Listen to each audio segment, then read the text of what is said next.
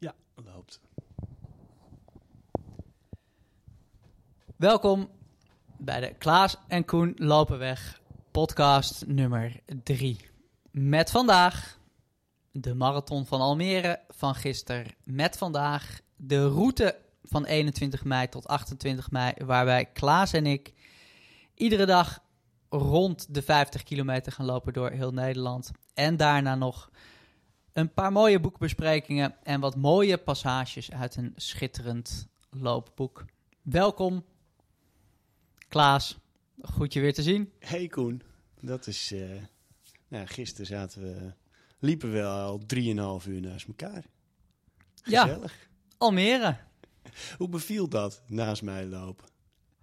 En naast jou lopen, dat beviel heel goed. hebben we natuurlijk wel vaker gehad hier kort. Ja, Maar nog, natuurlijk nog nooit zo lang. Nee. Maar ehm, nee, ik, ik kan met jou wel heel goed alleen lopen. Samen. Ja, dat- ik dacht daar gisteravond, of gisteravond, gistermiddag of gisterochtend was het eigenlijk, nog maar. Ook aan van, ja, we moeten natuurlijk ook, je moet ook een beetje aanvoelen van, zijn we nou gewoon lekker aan het lopen en is het even goed om je kop te houden? Eh, en ja, volgens mij hebben we daar wel een goede modus in, eh, hebben allebei. Dat je je ook niet, niet bezwaard voelt om, om wel te gaan praten, maar dat dat een beetje natuurlijk gaat. Het zijn dan die dingen daar, waar ik over nadenk met mijn, met mijn sensitieve gedoe. Maar eh, nee, ik vond het ook, eh dat ging hartstikke prima. Ja. Ja. ja. dus inderdaad af en toe even wat zeggen. Maar eh, nou ja, natuurlijk ook een kilometers putter. langs. Een putter gezien, ja. dat was leuk. Heel enthousiast. ja. Ja, dat was denk ik bij kilometer 30. Dat was Ja, toen die- het laatste rondje ingingen, toch? Ja. Ja, ja, ja, want het, het werd, al best wel, eh, werd al best wel een beetje taai op een gegeven moment.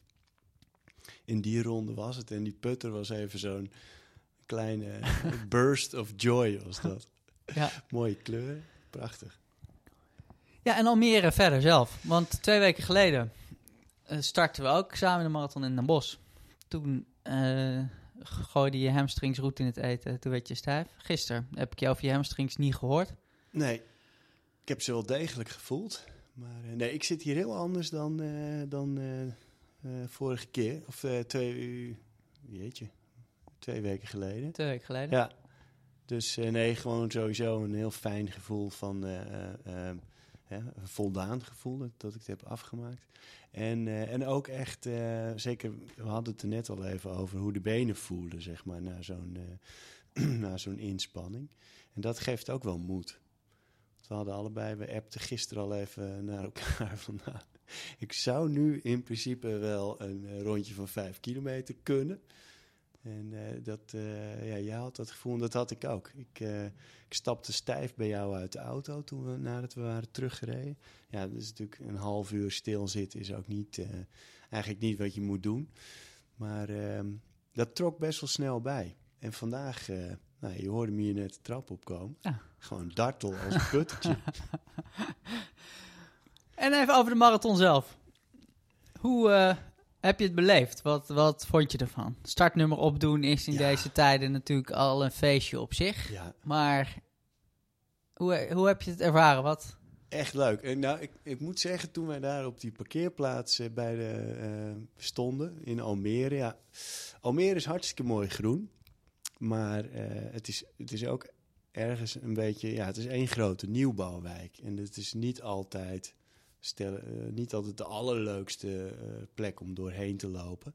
En we stonden daar en het was gevoelstemperatuur min 2 ongeveer. Harde wind.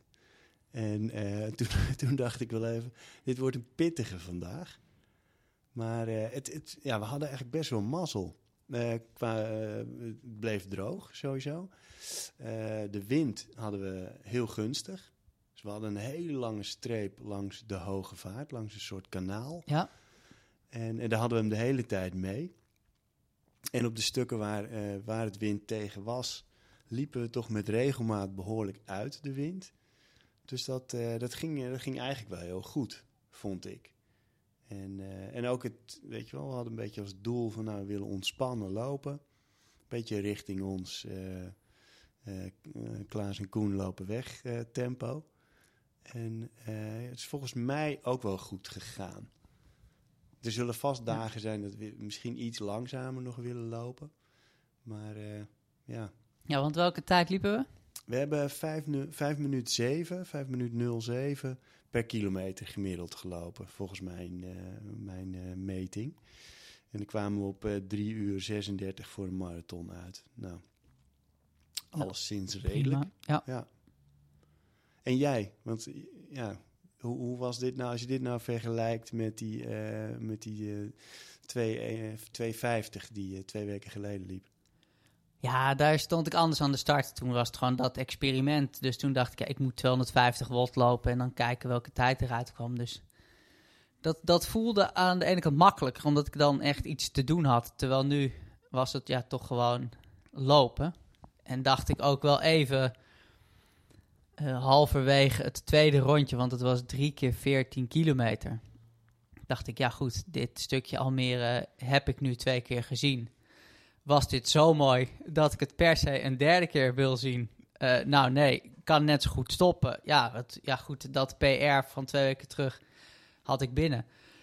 Maar eh, toen merkte ik ook wel dat ik, nou ja, mentaal vond ik het eh, lekker en leuk om door te lopen. Omdat dit is iets natuurlijk wat wij straks bij onze route ook tegen gaan komen. Dat je momenten hebt dat je geen zin meer hebt. Dat je momenten hebt dat je door wil gaan. En ja, een van de dingen die ik van, van dat lijf het, het meest bijzonder vind... is dat je, als je het nooit hebt ervaren, dan sta je er niet bij stil. Maar als je op een gegeven moment moe bent of pijntjes krijgt... of iets saai vindt of wil stoppen...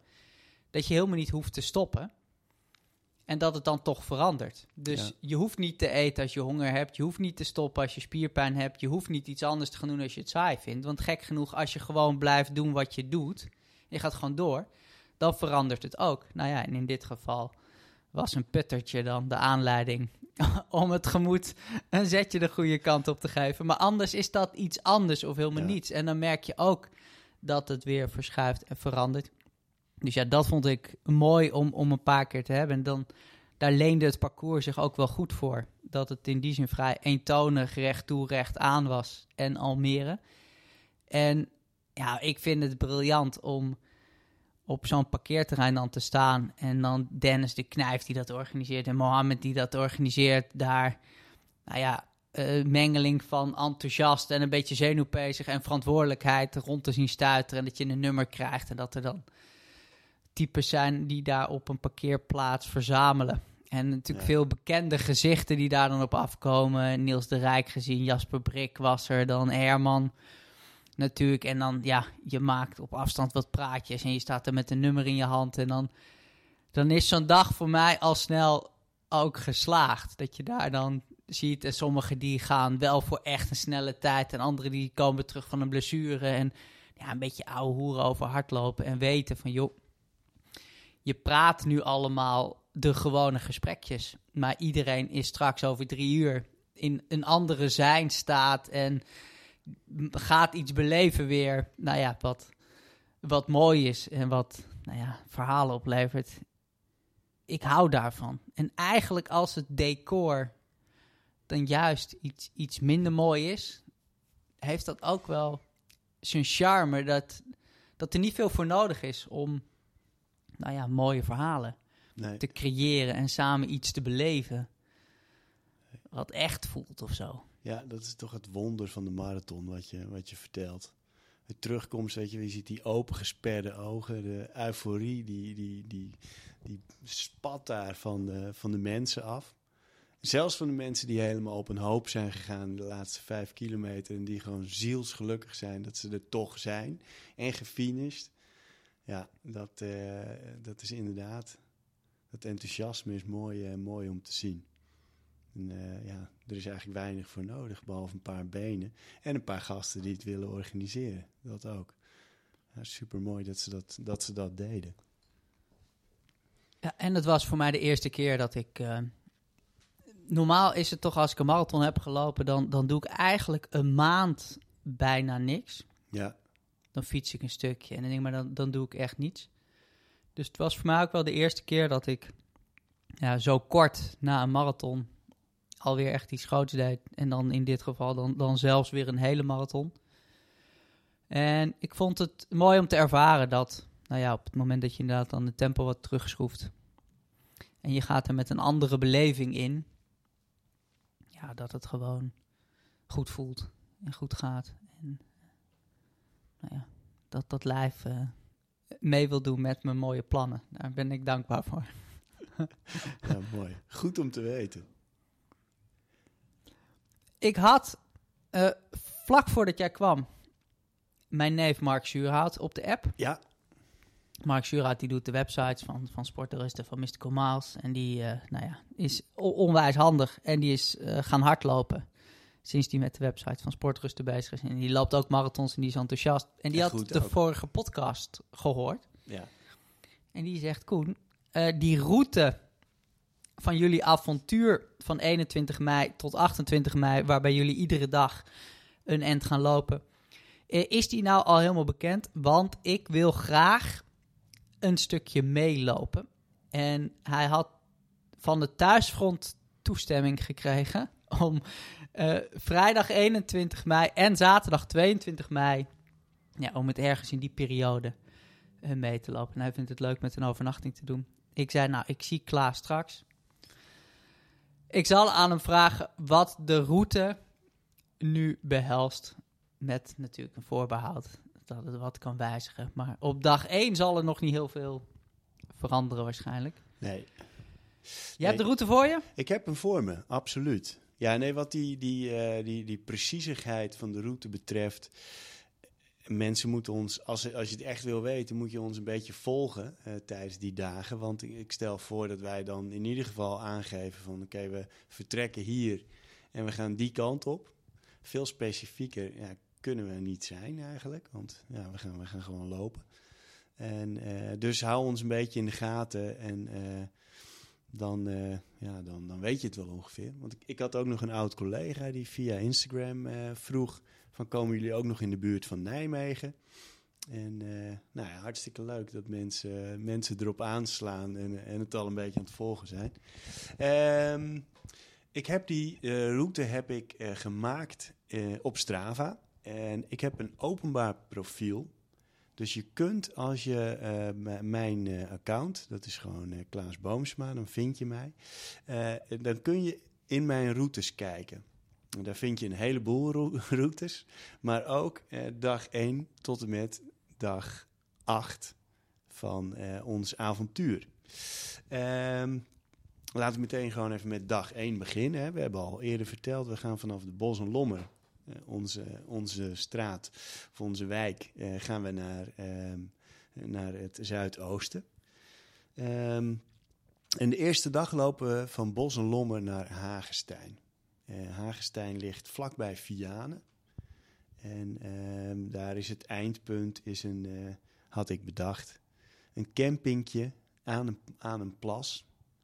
En eh, nou, dat, is, dat is in ieder geval de eerste dag. Ja. Eh, dus ja, je moet even, de- dat kunnen mensen gewoon opzoeken. Bosselommer, Hagestein. Amsterdam, Hagestein met andere woorden. Tweede dag lopen we ehm, nog iets verder naar het zuidoosten. Vanaf Hagestein gaan we naar Zaltbommel. Ja. Eh, dat is een korte etappe. Dat is een etappe van om en nabij de 30 kilometer. Dan komen we in Zaltbommel en dan moeten we keihard gaan chillen. Be- Benen omhoog. Lekker brandstof naar binnen. eh, rust pakken. Om s'nachts eh daar eh, in Zaltbommel een marathon te kunnen lopen. Ja, de route daarvan is, die, die hebben we niet. Tenminste, De Two Rivers Marathon, het is een, eh, Oh. het is een permanent uitgepeilde marathon. Ja. Grappig genoeg. Ze hebben daar bordjes staan. Oh ja, eh, dat is waar. Dat heb ik gezien. Ja, zag ik op de, eh, bij... heeft Ed Kooijman Ja. geregeld. Daar, Ja. Dat, ja, Dus dat is uit te dus vogelen. die, ja. Maar eh, ja, daarvoor geldt natuurlijk wel. eh, we weten tegen die tijd niet wat er allemaal mag en mogelijk is, corona-wise. Eh, dus stel dat je, daar, dat je dat avontuur mee wil beleven, dan zul je even contact moeten leggen met Marco van Leeuwen en, en Ed.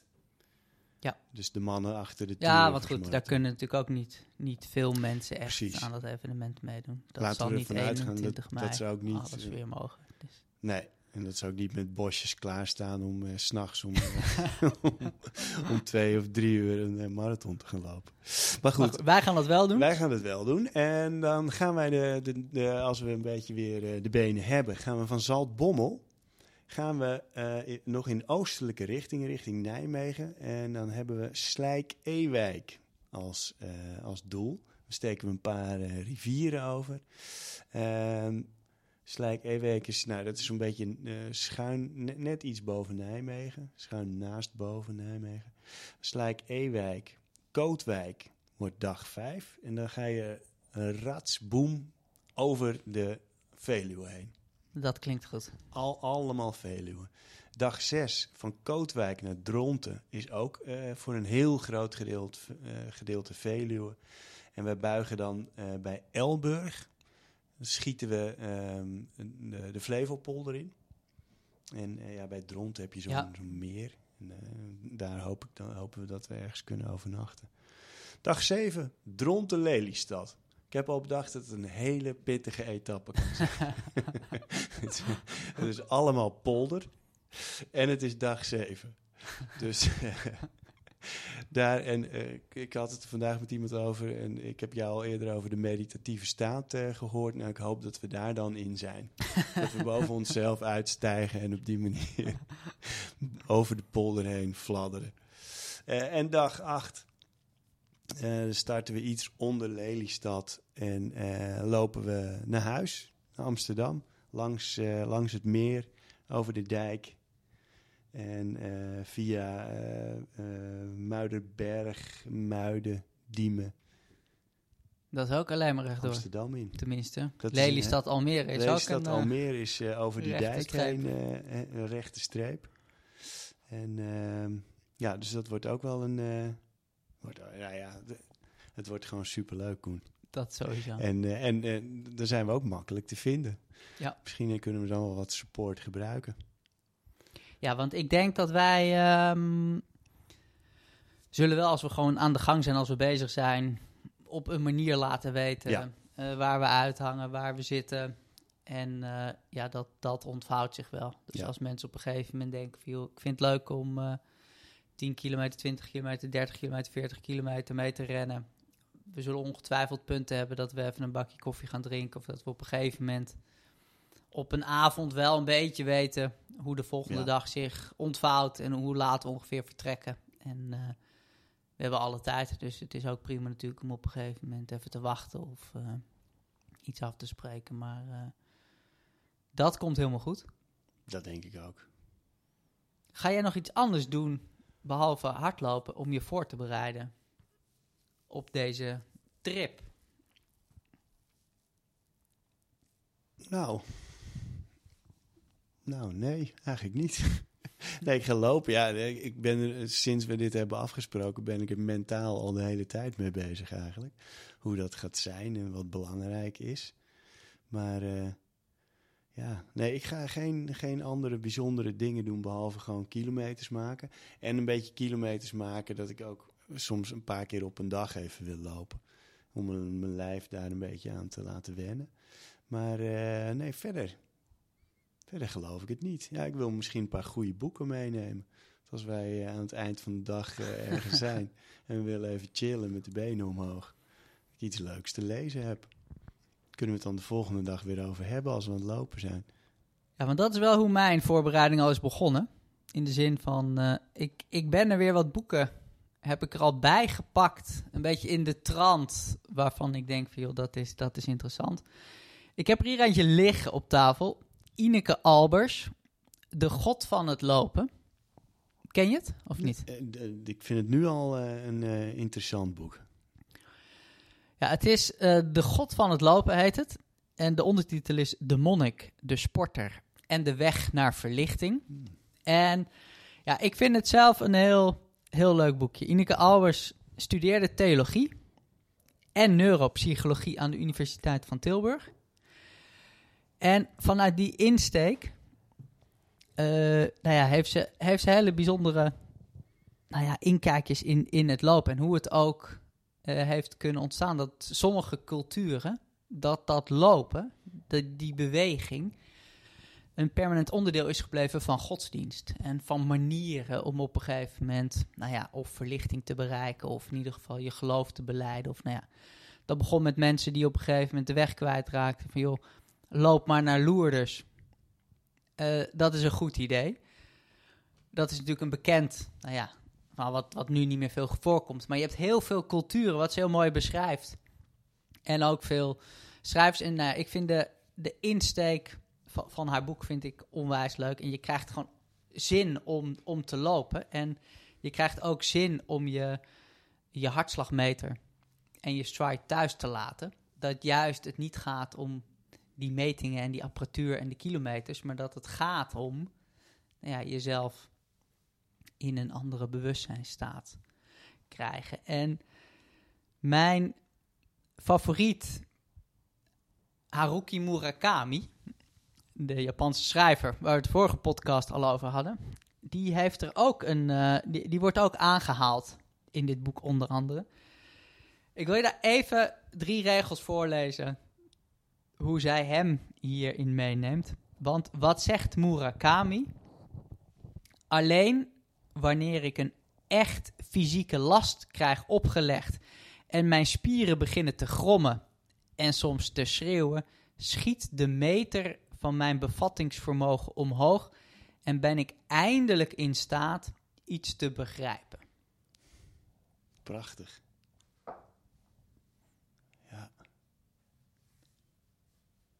ik denk dat iedere loper dat wel herkent. Dat je op een gegeven moment ergens mee worstelt, ergens mee zit, ergens over het nadenken bent. En dat je dan aan het lopen gaat en dat het ineens als een kwartje valt. Dat je denkt, waarom heb ik dat over het hoofd gezien? Of... En dat kun je met denken niet forceren. Zeg maar, je kan je helemaal een slag in de ronde denken en nergens komen. Maar iets te gaan doen en uh, in, die, in die staat te komen, ja, dat kun je alleen doen.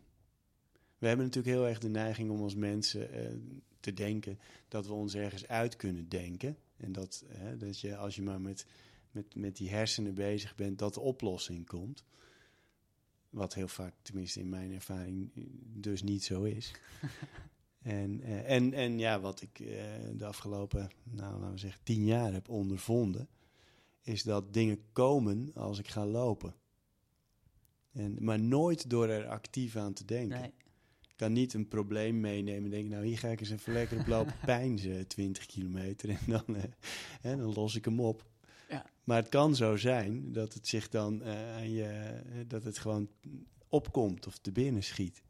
Ja, ja prachtig. Volgens mij is, ik, ik, is, dat, van, uh, is dat ook van uh, Murakami, die uh, quote over ehm, als het gaat over gedachten en lang lopen. dat hij zegt van gedachten tijdens een long run zijn als wolkjes aan de hemel. Dus die komen voorbij drijven, die zijn er en die gaan weer weg. Ja. En dat vond ik, vond ik, ook een heel mooi en, en sterk beeld. En herkenbaar ook. Ja. Ja, mooi is dat. Ik wil nog een klein stukje voorlezen. Ik kan bring it on. Dit is, dit is al heel Dit gaat niet over Murakami, maar wel uh, uh, over Japan. En dit sluit heel mooi aan bij wat jij net zei over dat denken. Lichaam en geest vormen in het Japanse mensbeeld zoiets als de twee delen van een ritsluiting, die door de gerichte toepassing van energie tot een eenheid kunnen worden gebracht. Met andere woorden, lichaam en geest zijn in principe een eenheid. Maar de mens moet er wel aan werken om die eenheid ook daadwerkelijk tot stand te brengen. Anders hangen beide delen maar een beetje los van elkaar te bungelen. Dit betekent ook dat de relatie tussen lichaam en geest voor de Japanner niet constant en universeel is, maar dat ze varieert tussen individuen en ook in de loop van het individuele leven.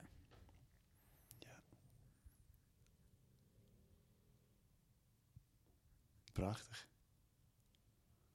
Nou ja, en dan haalt ze uh, Descartes aan, eigenlijk als boosdoener. die dat voor ons, Westerling, om zeep heeft geholpen. Dat die zegt van, joh, je hebt een lichaam en je hebt een geest. En dat zijn twee losse delen. Terwijl, ja, als loper, als duursporter, ervaar je dit, denk ik. Dat het op een gegeven moment samenvloeit. Ja dat blijft een. Hè, je hebt vast die vraag ook wel vaak eh, gekregen. Vooral van mensen die eh, lopen saai vinden. En die bijvoorbeeld niet aan de marathonvoorbereiding beginnen. omdat ze eh, opzien tegen uren lopen.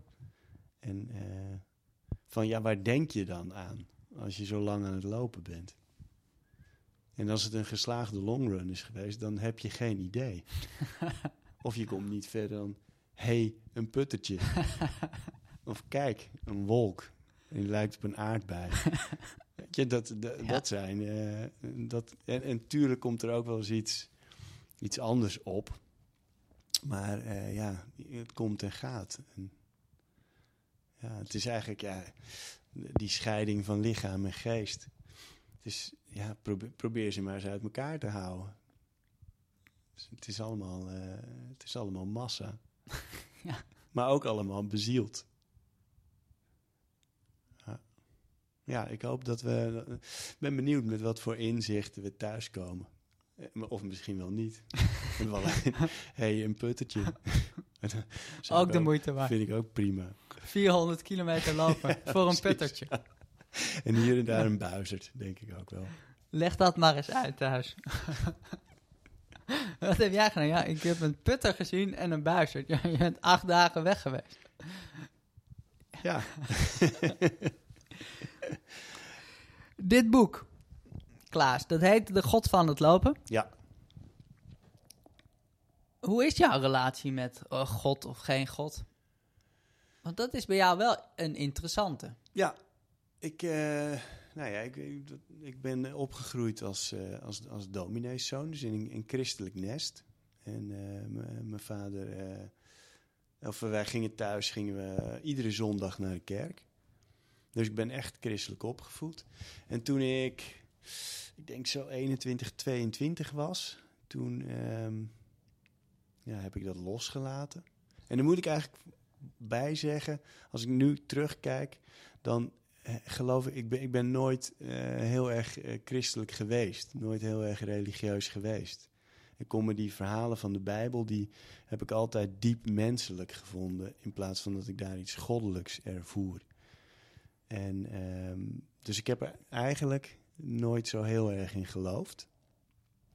En, eh, en toen ik 20, 21 was, en, dan had ik ook echt, echt afstand van religie. Ik moest er niks van weten.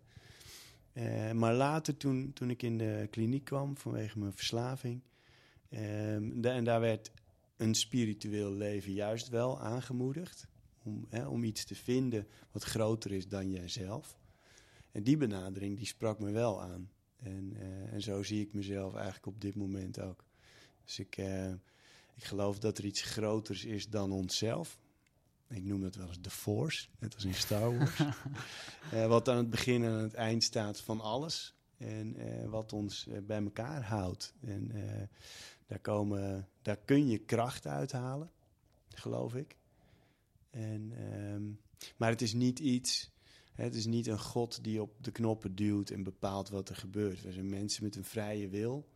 En als wij ons openstellen voor het hogere, zeg maar, dan, eh, ja, dan is dat er. Net zoals je, weet je wel, je kan tien mensen naar de wolken la- laten kijken.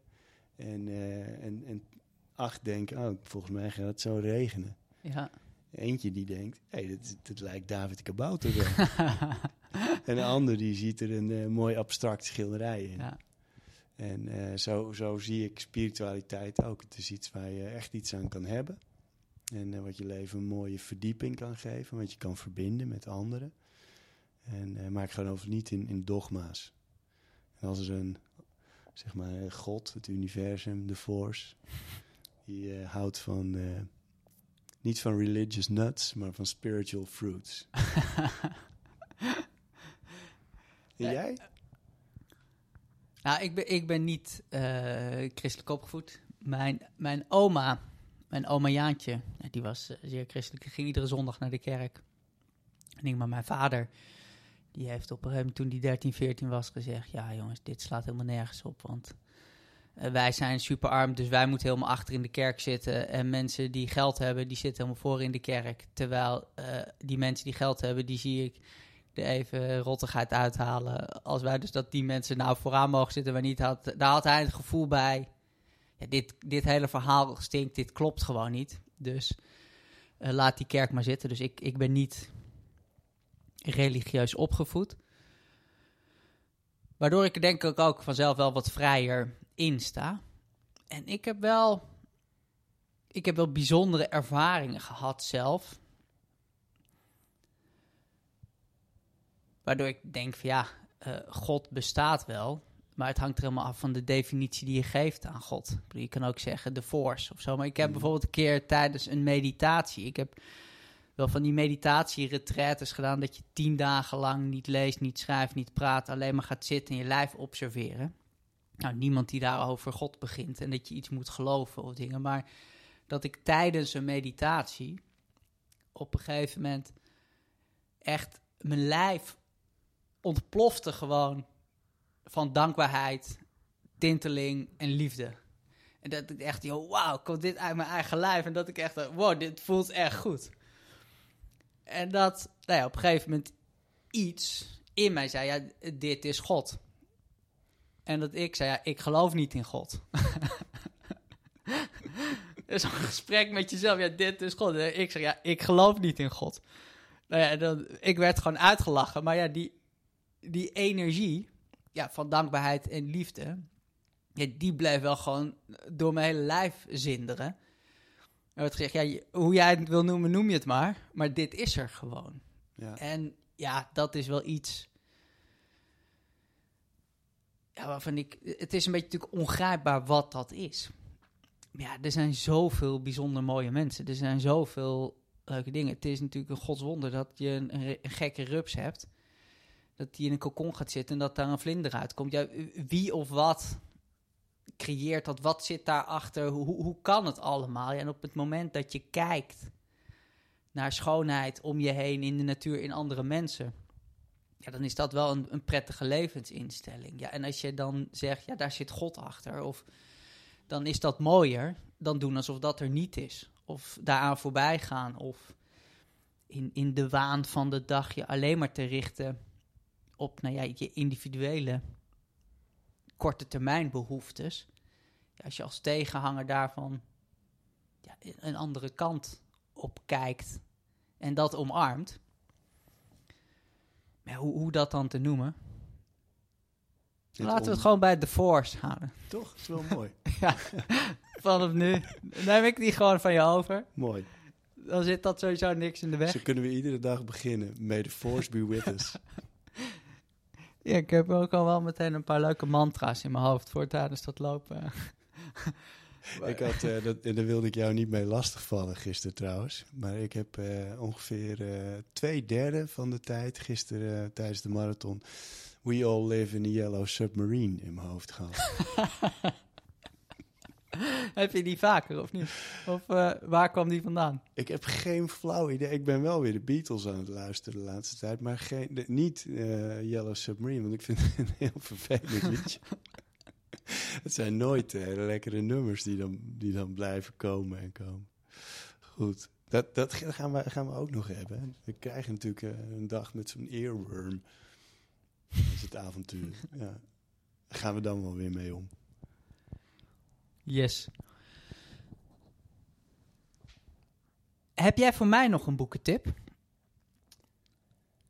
Dat jij zegt, joh, dat is echt een goed boek om de komende weken nog even te lezen. Om goed in de stemming te komen voor dit avontuur.